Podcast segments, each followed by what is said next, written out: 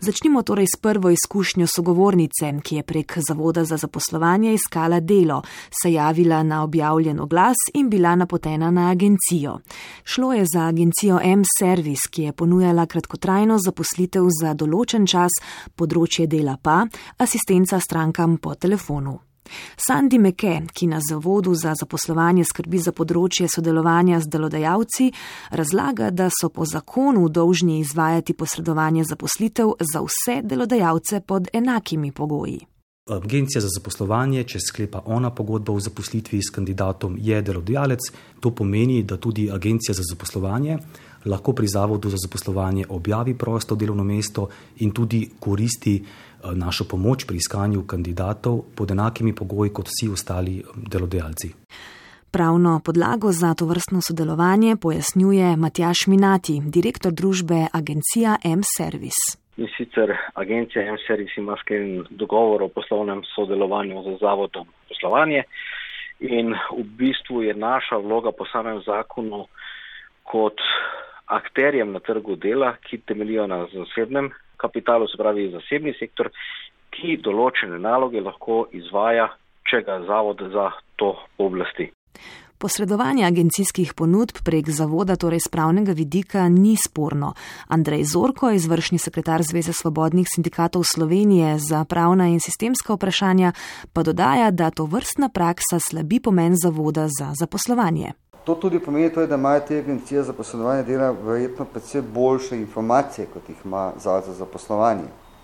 Morda tudi predvsem bolje razvito mrežo, tudi trženje, ali kako jih gledamo, in to seveda ni dobro.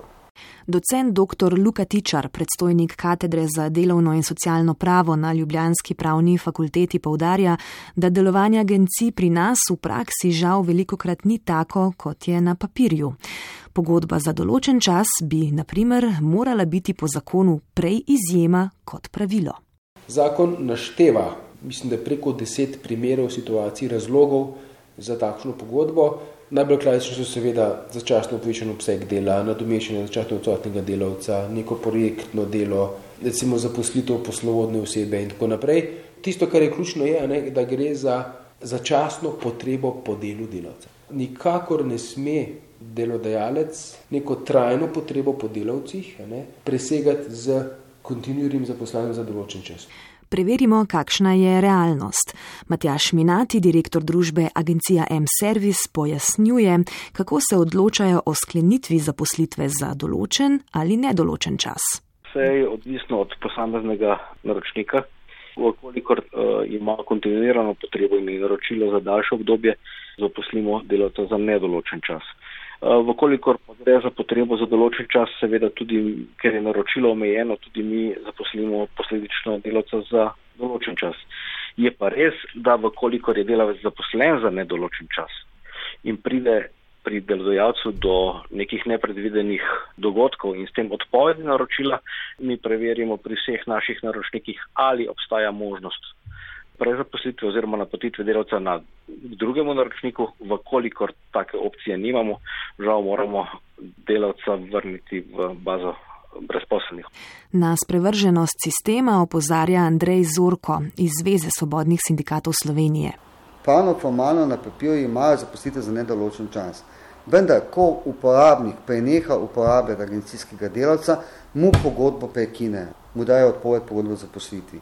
Italijani imajo ogromno agencijskih delavcev, vendar se ve, če agencijski delavec v nekem trenutku izgubi delo pri uporabniku agencijskega dela, ta ne, ne bo dobil prenehanja delovnega razmerja, ta bo šel na čakanje na delo in se bo v tem času recimo lahko izposobljal, šolal za nek drug poklic.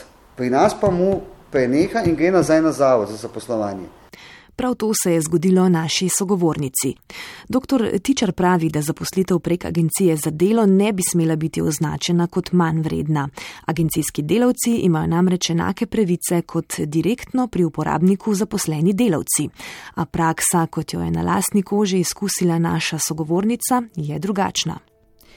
Delaš sedem dni zapored, potem si tri dni prost. Na papirju je to osemurni delovnik, ampak če veliko strank rabi asistenco, se od tebe pričakuje, da podaljšaš. Če je bilo veliko klicev, se pač ni šlo na malico, se je jedlo pri računalniku med klici.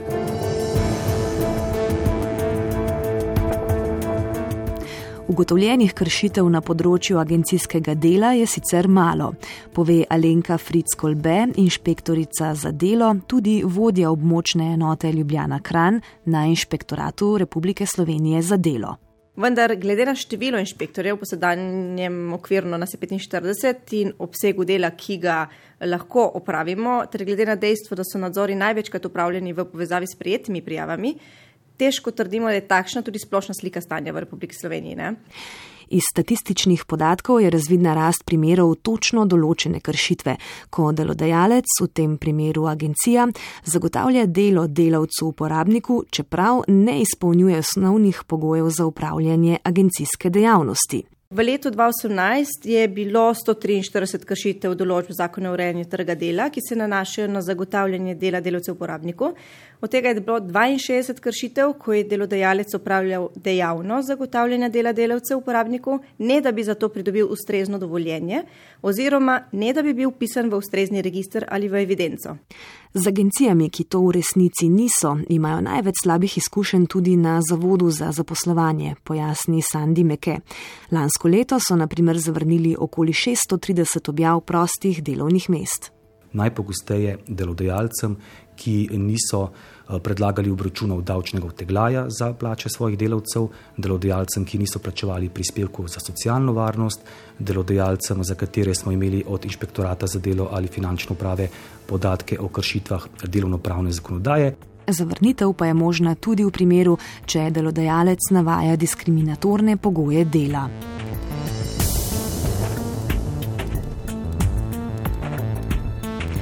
Druga izkušnja, ki jo opisuje brezposelna sogovornica, je prav tako povezana z iskanjem dela na Zavodu za zaposlovanje.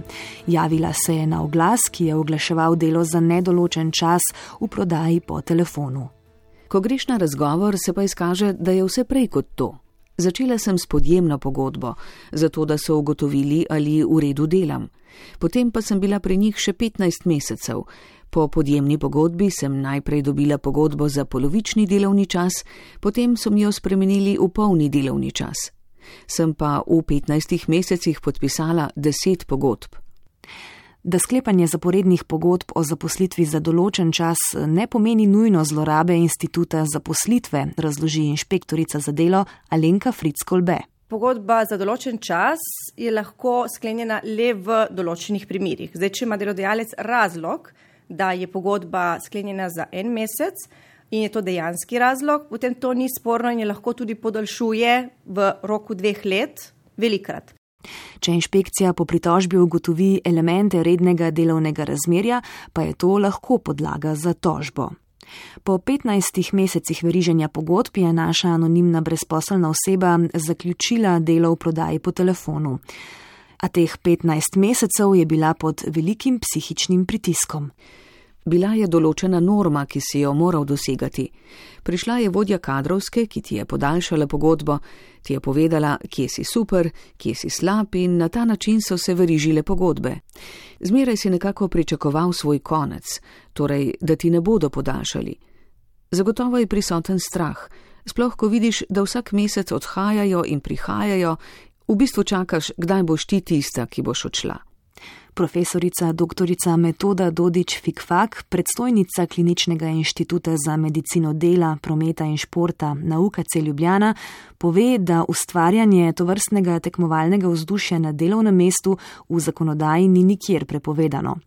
Nihče pa se ne vpraša, kakšne bodo posledice za posameznikovo zdravje in družbo.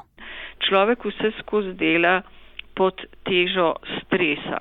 To je tako, kot da neprestano prehitevate v škarje, kar pomeni, da se to pozna pri delavcih tudi somatsko. Dvigne se krvni tlak, izviša se koncentracija sladkorja v krvi, neprestano občutek napetosti, verjetno se ne more tudi sprostiti, ko pride domov, slabo spi. Če slabo spi, je jasno, da pride drugi dan utrujen v službo in začne se tako imenovan cirkulus viciozus ali začarani krok. Ker je delavec utrujen, je možnost, da bo odpuščen, toliko večja. Naša sogovornica nadaljuje. Vsi vidijo, koliko je dnevno nekdo naredil prodaje. Za vsako prodajo se vsakemu delavcu posebej izpišajo imena, tako da vsi vemo, kje smo, ali imaš tisti dan dober ali slab dan.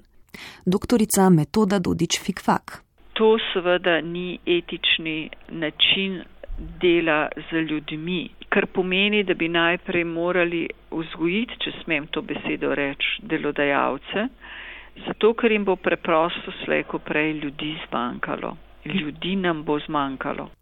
Zakonske podlage, s katero bi lahko ukrepali na tem področju, ni, so pojasnili na inšpektoratu za delo. Morda pa je ob tovrstnih inovativnih praksah zaposlovalcev na trgu dela čas tudi za posodobljeno zakonodajo na področju, ki se v sklopu delovne uspešnosti ukvarja z motivacijsko spodbudo delavca.